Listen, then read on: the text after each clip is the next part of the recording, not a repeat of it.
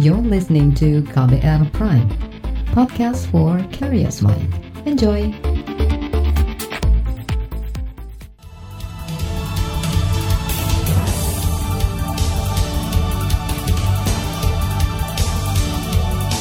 Selamat pagi saudara, kembali kami menjumpai Anda melalui program Buletin Pagi KBR edisi Jumat 3 April 2020 bersama saya Don Brady. Kami telah menyiapkan sejumlah informasi terkini di antaranya, meski pandemi COVID-19 meluas, pemerintah tak larang warga mudik. Kepolisian bebaskan denda pajak kendaraan bermotor. Pemprov beri bantuan untuk 2,6 juta warga Jakarta. Inilah Buletin Pagi selengkapnya. terbaru di Buletin Pagi.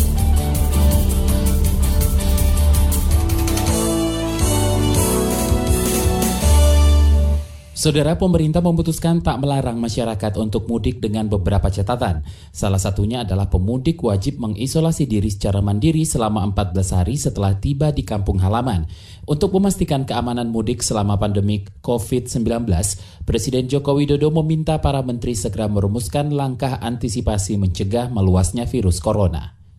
Kemudian mulai arus mudik, saya minta disiapkan skenario-skenario yang komprehensif, jangan sepotong-sepotong atau satu aspek saja atau sifatnya sektoral atau kepentingan daerah dilihat secara utuh baik dari hulu, di tengah dan di hilir. Presiden Jokowi juga meminta semua skenario yang sudah dibuat agar dilaksanakan dengan seksama dari hulu ke hilir. Ia meminta agar tidak ada kebijakan yang berlawanan antara pemerintah daerah dan pemerintah pusat.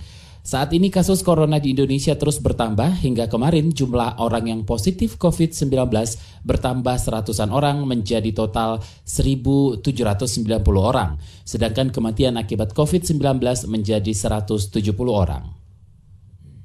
Sementara itu, Menteri Koordinator Bidang Kemaritiman dan Investasi Luhut Binsar Panjaitan menggunakan faktor ekonomi dari alasan sehingga pemerintah tidak melarang mudik di tengah penyebaran virus corona. Menurut Luhut, jika perekonomian daerah mati total, maka yang terdampak paling parah adalah masyarakat lapisan bawah. Jadi pertimbangan utama kita supaya juga ekonomi itu tidak mati sama sekali. Kalau dilarang pun mau mudik saja gitu. Jadi kita tidak mau hanya sekarang kita himbau kesadaran bahwa kalau Anda mudik pasti bawa penyakit. Nah kalau kau bawa penyakit itu di daerah sudah terbukti ada yang meninggal bisa keluargamu gitu. Menteri Luhut juga mengatakan pembatasan sosial berskala besar lebih tepat diterapkan di Indonesia daripada karantina wilayah. Luhut yang menjadi pelaksana tugas Menteri Perhubungan itu juga mengatakan pemerintah tak melarang pengoperasian transportasi massal. Di sisi lain, Gubernur DKI Jakarta menyampaikan kekhawatirannya jika karantina wilayah tak dilakukan. Dalam pertemuan konferensi video dengan Wakil Presiden Ma'ruf Amin, Anies Baswedan meminta Jakarta diizinkan melakukan karantina wilayah terintegrasi dengan daerah di sekeliling Jakarta seperti Depok, Bekasi, hingga Tangerang. Tapi ada concernnya Pak, karena di dalam PP 21 itu gubernur hanya bisa mengatur pergerakan di dalam satu provinsi. Sementara epicenternya itu tiga provinsi Pak, karena Jabodetabek ini ada yang Jawa Barat, ada yang Banten. Karena itu kami mengusulkan agar ada kebijakan tersendiri untuk kawasan Jabodetabek di mana batas-batas administrasi pemerintahan itu berbeda dengan penyebaran kasus COVID di Jabodetabek. Gubernur Anies juga menyinggung kebijakan penghentian layanan bus antar kota di Jakarta yang tidak direstui pemerintah pusat. Padahal menurutnya kebijakan itu bisa menghentikan penyebaran COVID-19 di Jakarta dan daerah-daerah sekelilingnya yang masuk kawasan provinsi lain. Organisasi Angkutan Darat atau Organda mendukung pendapat Gubernur Anies. Sejen Organda Ateng Aryono mengatakan, jika pembatasan operasional transportasi massal diterapkan, bisa membantu mengurangi penyebaran corona. Apalagi Jakarta merupakan epicentrum pandemi COVID-19 kalau memang Jakarta ini memang dianggap seperti yang lalu bahwa ini memang tempat epicenternya wabah gitu penyebaran itu dan ini memang di, di, dikunci untuk supaya artian masyarakat ini tidak kemudian menyebarkan ke mana-mana. Saya pikir sih niatan itu sih saya pikir bagus juga. Tapi ya kalau kita melihat pada posisi yang yang ada bahwa ini masih dalam bahan berbagai pertimbangan, saya pikir kita juga maklum. Kita tunggu nanti komandonya apa, sesuaikan.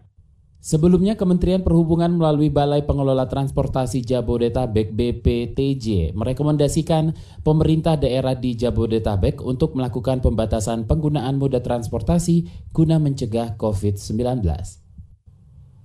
Masih terkait COVID-19, Saudara Kementerian Hukum dan HAM berencana membebaskan ratusan narapidana korupsi yang berusia 60 tahun ke atas. Tujuannya mencegah penyebaran luas virus corona. Namun rencana Menteri Hukum Yasona Lawli ini menuai kontroversi dan mendapat banyak kecaman. Apalagi Kementerian Hukum berencana merevisi sejumlah aturan untuk memuluskan niat itu. Protes salah satunya disampaikan juru bicara Komisi Pemberantasan Korupsi KPK Ali Fikri. Ali meminta Menteri Hukum membatalkan rencana itu dan dia mengatakan tak ada alasan membebaskan napi korupsi yang selama ini menempati sel khusus di lapas. Jadi bukan para napi koruptor saya kira karena memang ditempatkan misalnya seperti suka miskin itu eh, ditempatkan dalam satu sel yang berbeda-beda satu sel satu orang bahkan termasuk juga di lapas-lapas yang lain tentu dipisahkan antara napi korupsi dengan napi-napi tindak pidana umum lainnya. Sementara itu peneliti dari Pusat Kajian Anti Korupsi Pukat UGM Yuris Reza menyebutkan rencana pembebasan napi koruptor itu tidak relevan dengan upaya melawan virus corona. Menurut Reza, jumlah napi koruptor saat ini hanya 2% dari total jumlah napi di Indonesia. Beralih ke berita olahraga, ajang balap MotoGP Prancis yang dijadwalkan pada 17 Mei ditunda seiring penyebaran virus corona yang sangat yang saat ini tengah menjadi pandemi. MotoGP Prancis adalah seri ke-6 MotoGP yang batal atau mengalami penundaan. Sebelumnya seri Qatar terpaksa dibatalkan, sedangkan lima seri berikutnya yaitu Thailand, Amerika Serikat, Argentina, Spanyol, dan Prancis juga mengalami penundaan.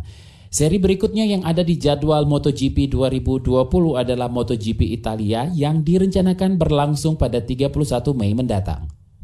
Polri bebaskan denda pajak kendaraan bermotor. Informasinya usai jeda tetaplah di Buletin Pagi KBR. You're listening to KBR Pride, podcast for curious mind. Enjoy!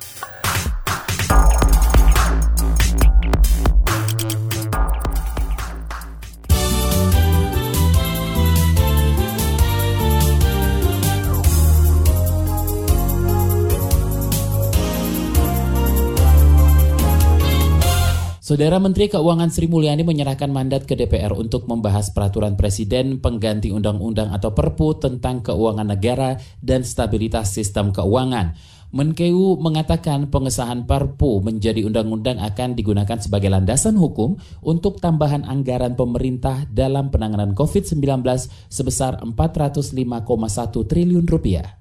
Di sinilah Perpu dijadikan sebagai landasan hukum untuk merespons di dalam rangka melaksanakan langkah-langkah penyelamatan kesehatan dan keselamatan masyarakat, membantu masyarakat yang terdampak, dan membantu dunia usaha serta sektor ekonomi, serta diharapkan tetap menjaga stabilitas sektor keuangan. Tambahan anggaran ratusan triliun rupiah itu akan dikeluarkan dalam bentuk beberapa insentif seperti insentif kesehatan, insentif perlindungan sosial, insentif perpajakan dan kur, dan pembiayaan dan restrukturisasi kredit. Dari dana 400-an triliun itu Kementerian Sosial bakal menggelontorkan 110 triliun rupiah untuk perlindungan sosial saat pandemi COVID-19. Namun Menteri Sosial Juliari Batubara meminta pemerintah daerah juga ikut berkontribusi menambahkan bantuan sosial guna menekan dampak ekonomi akibat penyebaran virus COVID-19 berupa program bantuan sosial reguler seperti PKH, program sembako, kemudian nanti ada juga kartu prakerja, diskon 50% untuk pelanggan listrik 450 sampai 900 VA, subsidi bunga untuk masyarakat berpenghasilan rendah untuk kredit perumahan, program sembako dan yang lainnya. Kami sangat berharap agar para kepala daerah juga melengkapi, menambah program-program bantuan sosial Menteri Sosial Juliari Batubara mengklaim akan memperhatikan pelaku-pelaku UMKM, masyarakat berpenghasilan harian, dan masyarakat miskin. Ia memastikan berbagai bantuan itu tepat sasaran. Saudara kepolisian membebaskan denda pajak kendaraan bermotor bagi masyarakat yang telat membayar pajak selama tanggap darurat penanganan COVID-19. Juru bicara Mabes Polri Asep Adi Saputra mengatakan kebijakan ini diberlakukan untuk mendukung program jaga jarak sosial dan tidak berkumpul di tempat umum yang dapat menjadi sarana penyebaran virus COVID-19. Bagi seluruh pemilik kendaraan bermotor yang masa berlaku STNK dan pajak yang telah berakhir dan akan melakukan perpanjangan pajak tersebut, Polri telah mengeluarkan kebijakan untuk meniadakan denda kendaraan bermotor sejak tanggal 29 Februari hingga 29 Mei 2020. Juru bicara Mabes Polri Asep Adi Saputra menambahkan kepolisian juga memahami kondisi masyarakat yang tidak bisa memperpanjang STNK lantaran tidak bisa beraktivitas di luar rumah karena ada pembatasan dari pemerintah. Asep Adi mengatakan kebijakan penghapusan denda diharapkan bisa meringankan ekonomi masyarakat di saat pandemi virus corona. Beralih ke informasi ekonomi, saudara pemerintah mengingatkan seluruh perusahaan di tanah air untuk tetap membayar tunjangan hari raya atau THR ke para pegawai. Menteri Koordinator Bidang Perekonomian Erlangga Hartarto mengatakan perusahaan wajib memenuhi Undang-Undang Ketenagakerjaan. Apalagi pemerintah sudah memberikan stimulus-stimulus kepada perusahaan agar tetap bisa membayar THR di tengah wabah COVID-19. Kemudian juga Bapak Presiden tadi juga membahas yang terkait dengan kesiapan uh, sektor usaha untuk membayarkan THR dan ini uh, diingatkan kepada pihak swasta bahwa THR ini menjadi sesuatu yang berdasarkan undang-undang diwajibkan dan tentunya Kementerian Tenaga Kerja sudah menyiapkan hal-hal yang terkait dengan THR tersebut. Namun pemerintah sudah mempersiapkan dan memberikan stimulus-stimulus kepada dunia usaha Menko Perekonomian Erlangga Hartarto menambahkan salah satu stimulus yang diberikan pemerintah kepada dunia usaha adalah relaksasi pungutan pajak penghasilan atau PPH pasal 21 kepada pekerja di sektor industri manufaktur. Pemerintah juga memberikan potongan pungutan PPH badan sebesar 22 persen mulai tahun ini dan mempercepat restitusi pajak pertambahan nilai atau PPN kepada 19 sektor usaha. Bank Indonesia optimis pertumbuhan ekonomi Indonesia tidak akan merosot turun di bawah 2,3 persen terhadap produk domestik bruto atau PDB. Gubernur Bank Indonesia Peri Warjio menyebut BI dan pemerintah akan menjaga pertumbuhan ekonomi Indonesia melalui berbagai kebijakan. Kita dengan berbagai polisi-polisi yang kita insya Allah akan kita lakukan secara baik, pertumbuhan ekonomi kita kita upayakan akan tidak lebih rendah dari 2,3 persen PDB dengan langkah-langkah stimulus fiskal maupun juga stabilitas sektor keuangan dan termasuk juga nilai tukar rupiah. Gubernur Bank Indonesia Peri Warjoyo mengatakan optimisme itu muncul karena ada dukungan stimulus fiskal untuk penanganan COVID-19 berupa tambahan anggaran jaminan sosial ekonomi 400 miliar maksud kami 405 triliun rupiah. Selain itu, ia juga meyakini rupiah bakal menguat hingga 15 ribu rupiah per dolar Amerika Serikat pada akhir tahun 2020. Laporan khas KBR tentang masker kain diburu berkah baru penjahit rumahan akan hadir usai jeda tetaplah di Buletin Pagi KBR. You're listening to KBR Pride, podcast for curious mind. Enjoy!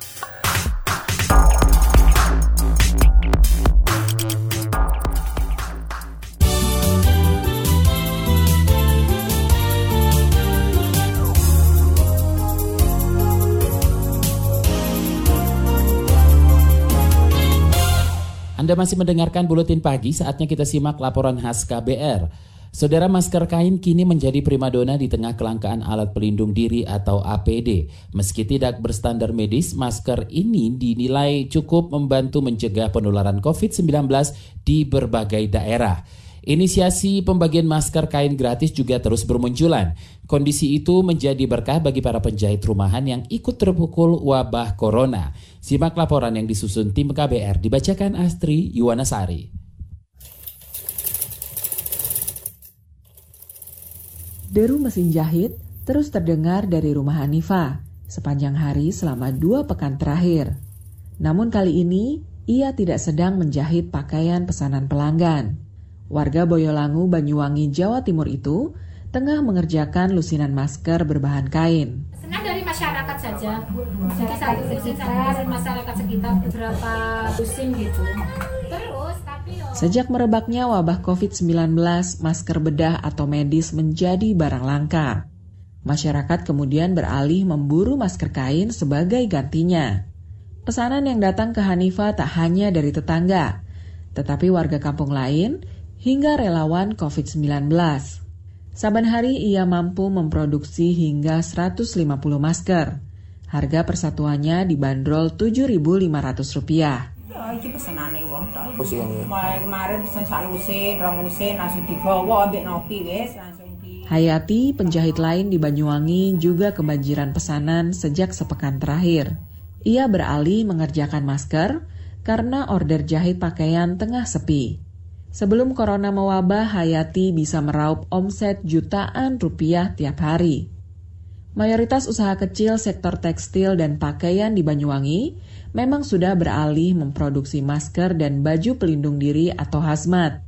Menurut Ketua Asosiasi Kuliner, Kaos, Kerajinan, Aksesoris dan Batik Banyuwangi, Syamsuddin, para penjahit bahkan mulai kewalahan melayani orderan. Ada berkah tersendiri ketika COVID-19 ini mewabah gitu. Sekarang mereka kejar-kejaran deadline atau kejar-kejaran untuk segera menyelesaikan masker dan APD gitu loh. Sampai hari ini sebagian besar penjahit itu alhamdulillah sampai hari ini masih tetap kerja bahkan masih kewalahan Pak gitu. Masker kain saat ini menjadi alternatif alat pelindung diri untuk mencegah virus corona.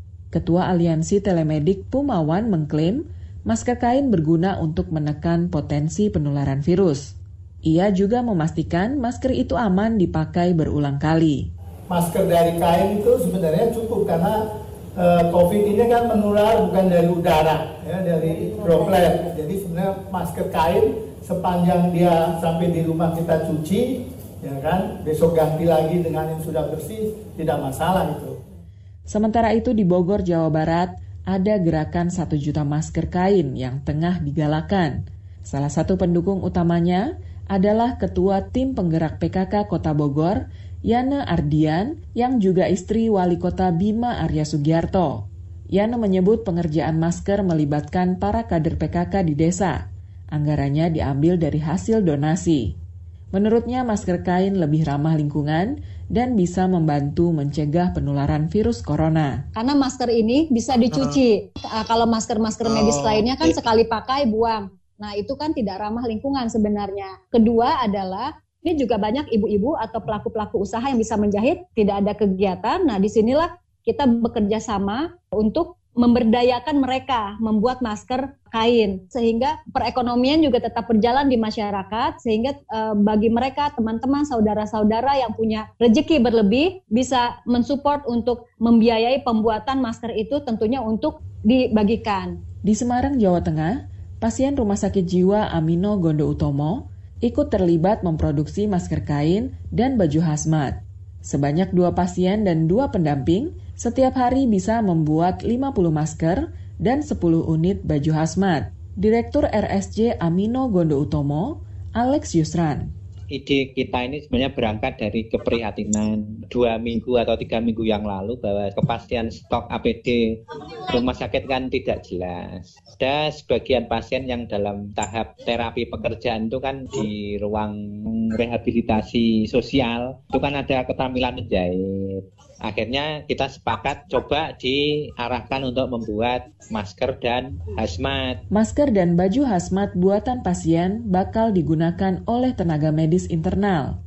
RSJ Amino Gondo Utomo juga membuka layanan pemeriksaan awal atau screening terkait COVID-19. Demikian laporan yang disusun tim KBR, saya Astri Yuwanasari.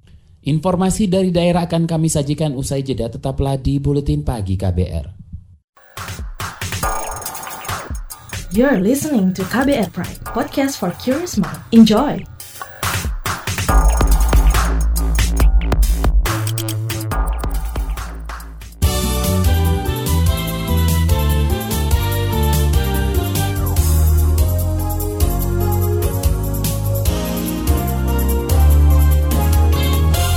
Inilah bagian akhir buletin pagi KBR. Saudara pemerintah berencana memberikan bantuan kepada 2,6 juta warga Jakarta yang terdampak COVID-19. Gubernur DKI Jakarta, Anies Baswedan mengatakan dari pembicaraan dengan Kementerian Sosial disepakati angka bantuan per keluarga yakni Rp880.000. Jadi nilai tepatnya nih Pak, jumlah orangnya targetnya 2,6 juta, bansosnya bantuannya 880 ribu, diberikan selama dua bulan, bulan April dan Mei, sehingga nilai totalnya adalah 4,576 triliun. Gubernur DKI Jakarta Anies Baswedan mengatakan mereka yang diberi bantuan yakni warga yang rentan miskin akibat wabah COVID-19 seperti tukang ojek dan pedagang kaki lima. Selain warga rentan miskin, ada pula 1,1 juta warga miskin yang juga terdampak langsung. Mereka merupakan warga yang selama ini sudah teridentifikasi nama serta alamatnya dan rutin mendapat bantuan dari Pemprov DKI. Komisi Nasional Hak Asasi Manusia Komnas HAM Papua menilai kasus penyerangan area perkantoran PT Freeport Indonesia di Kuala Kencana Kabupaten Mimika Papua terjadi karena kelalaian manajemen PT Freeport Indonesia dan Badan Intelijen Negara. Kepala Kantor Komnas HAM Papua Fritz Ramande mengatakan berdasarkan keterangan Polda Papua tak ada pos keamanan di sekitar lokasi kejadian. Padahal Freeport adalah perusahaan yang menerapkan standar security yang tinggi itu kelalaian manajemen Freeport dalam merekomendasikan kepada para polisi untuk memberi pengamanan pos di situ. Yang kedua ini ke, saya masih melihat bahwa ketidaksinkronan soal intelijen atau ada kelemahan koordinasi intelijen yang apa dikoordinir oleh Badan Intelijen. Kepala Kantor Komnas HAM Papua Fritz Ramande menambahkan sejak situasi di Tembagapura dan sekitarnya memanas beberapa waktu lalu, kelompok bersenjata menyatakan Freeport sebagai target utama dalam berbagai operasi kelompok ini di wilayah Memika. Kita ke Jawa Tengah, saudara kebutuhan stok darah golongan O dan AB di Palang Merah Indonesia Kota Semarang semakin menipis di tengah merebaknya wabah virus COVID-19. Kepala Unit Daerah PMI Kota Semarang Ana Kartika mengatakan menipisnya stok darah dikarenakan semakin berkurangnya minat pendonor darah. Stok darah kami tetap kurang karena biasanya kami sekitar 250 sampai 300 orang, sekarang menurun ya sekitar 150 atau sampai 200-an lah baru. E, menipis sekali itu untuk e, stok darah untuk komponen PRC golongan O dan trombosit golongan e, AB. Menurut Ana, semenjak diterapkannya kebijakan jaga jarak fisik, jumlah pendonor terus berkurang. Stok darah PMI Kota Semarang berkurang hampir 50% dibandingkan pada hari biasanya. Informasi tadi menutup jumpa kita di Buletin Pagi hari ini. Pantau juga informasi terbaru melalui kabar baru, website kbr.id dan Twitter kami at berita KBR, serta podcast melalui kbrprime.id. Akhirnya saya Don Brady undur diri. Salam.